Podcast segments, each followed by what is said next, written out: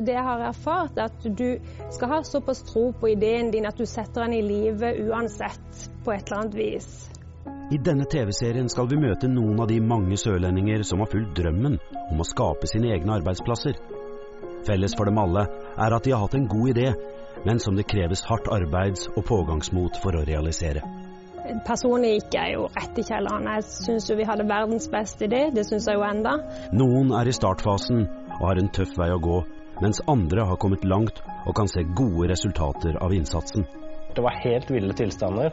Eh, alt vi hadde tatt med ned var, var solgt ut på, på et par timer.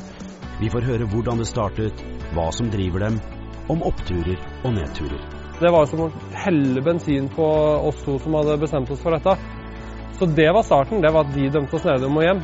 Ideen er at serien skal inspirere andre til å tørre å realisere drømmen om å skape sin egen arbeidsplass.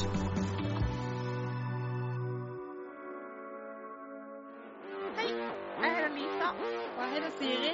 Og nå vil vi vise deg Morild-effekten.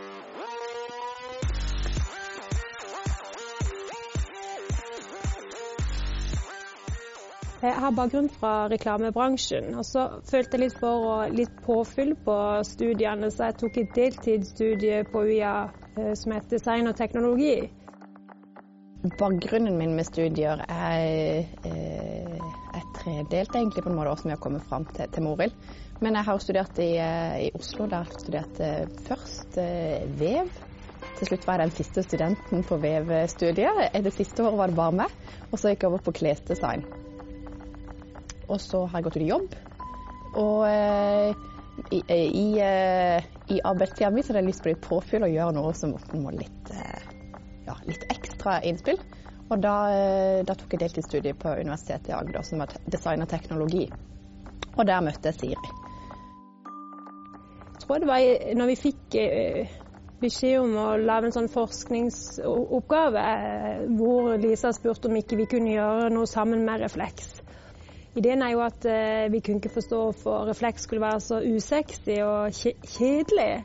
Vanskelig å huske å ta på seg. Så jeg ville sammen med Lisa da eh, integrere refleksen i plagg som vi allerede bruker. Er, når du går ut i ganga, så tar du på deg favorittplagget ditt, og så har du bare den ekstra effekten med refleks i plagget.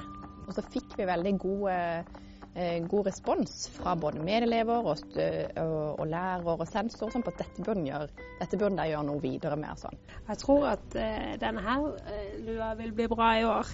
I lysegrå. Mm. Tror Den er kanskje at fin. det blir en av mine favoritter. Ja. Kanskje. Lysegrå, tror jeg. Ja. Jeg er jo litt sånn nerdete på eh, kvalitetene og sånne ting som det der, så jeg liker veldig godt liksom, den kvaliteten vi har inni her som er moheren, som gjør at det er for, for eksempel litt mer pusete enn noen av de andre og sånn. Så den, den er veldig fin. Ja, vi gjorde som jeg tror veldig mange gjør. Du starter med å, hive inn en søknad til Innovasjon Norge. Det du ofte hører er jo sånn, ja, så søker du Innovasjon Norge, og så får du penger, og så, uff, så starter en. Jeg tror vi var oppe i 200 timer med å lage den søknaden, eh, og sendte den inn. Og så fikk vi tilbake igjen to eh, setninger i posten med, med avslag, da. Og da har en jo på en måte tenkt lenge at det, dette er jo en kjempegod idé. Selvfølgelig vil de støtte, selvfølgelig får vi en etablererstøtte til dette. Personlig gikk jeg jo rett i kjelleren. Jeg syns jo vi hadde verdens beste idé, det syns jeg jo enda.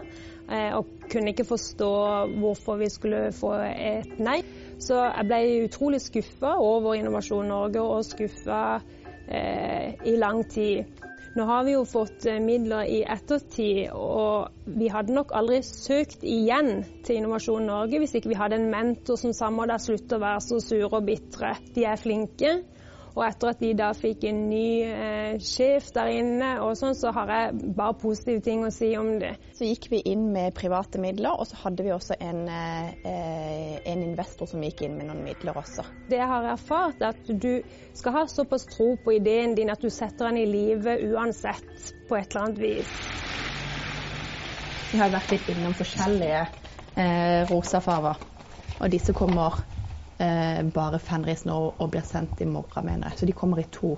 Ja. Eh, Fikk du noe litt konkret dato på når de kommer? Ja.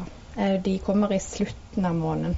Neste måned. Wow. Så eh, sto vi på Designernes julemarked her i Kristiansand. Eh, og da hadde vi hatt en liten notis i Kristiansand Avis to dager før torsdagen før. eller noe sånt. Og den lørdagen så hadde jeg helt, helt andre planer. Jeg visste jo at Lisa skulle stå på det markedet, og vi tenkte hun hadde full kontroll på det.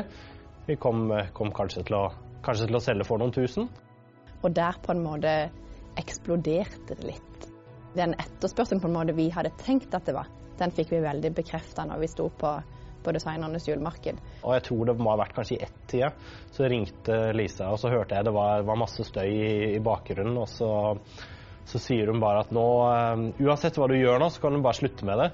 Eh, og så tar du bilen og drar innom lageret, så fyller du opp alle de varene du kan. Og så kommer du ned her på festningen, og så blir du her til det stenger. Det var helt ville tilstander. Eh, alt vi hadde tatt med ned, var, var solgt ut på, på, et par timer. Når jeg så det, så, så tenkte jeg bare at eh, dette, her, her, ligger det et potensial. Dette, dette kan vi kanskje gjøre noe med. Og da sa han opp jobben sin og begynte på provisjon for Morild. Jo mer konkrete, sånn helt riktige vareprøver jeg kan ha, jo mm. å vise fram, jo bedre. Jeg har jo har liksom både fått og tatt litt den rollen at at jeg kan være han litt kjipe som, som liksom må passe på realismen i, i, kolleksjonen.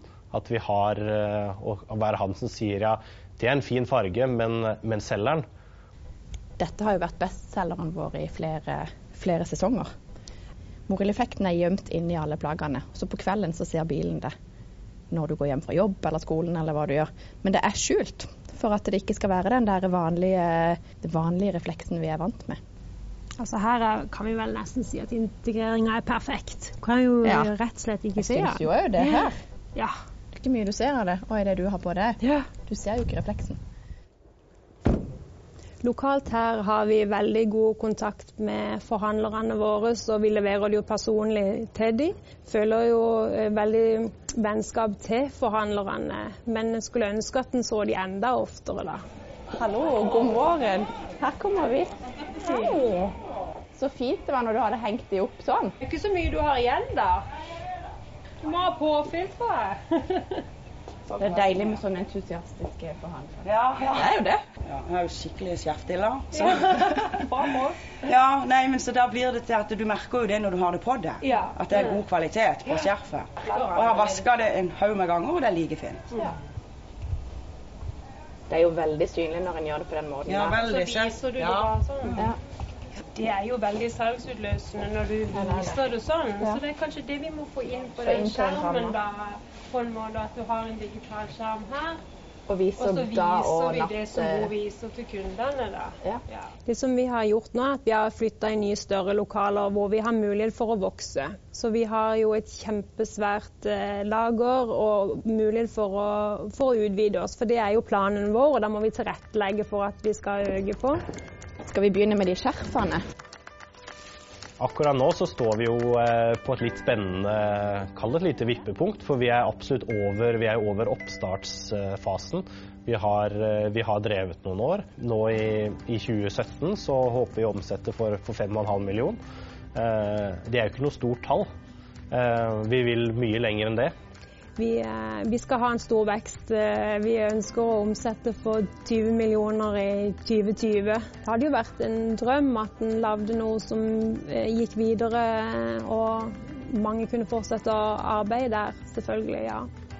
Så vi har, vi har store, store og gøye mål foran oss. Masse å strekke seg etter.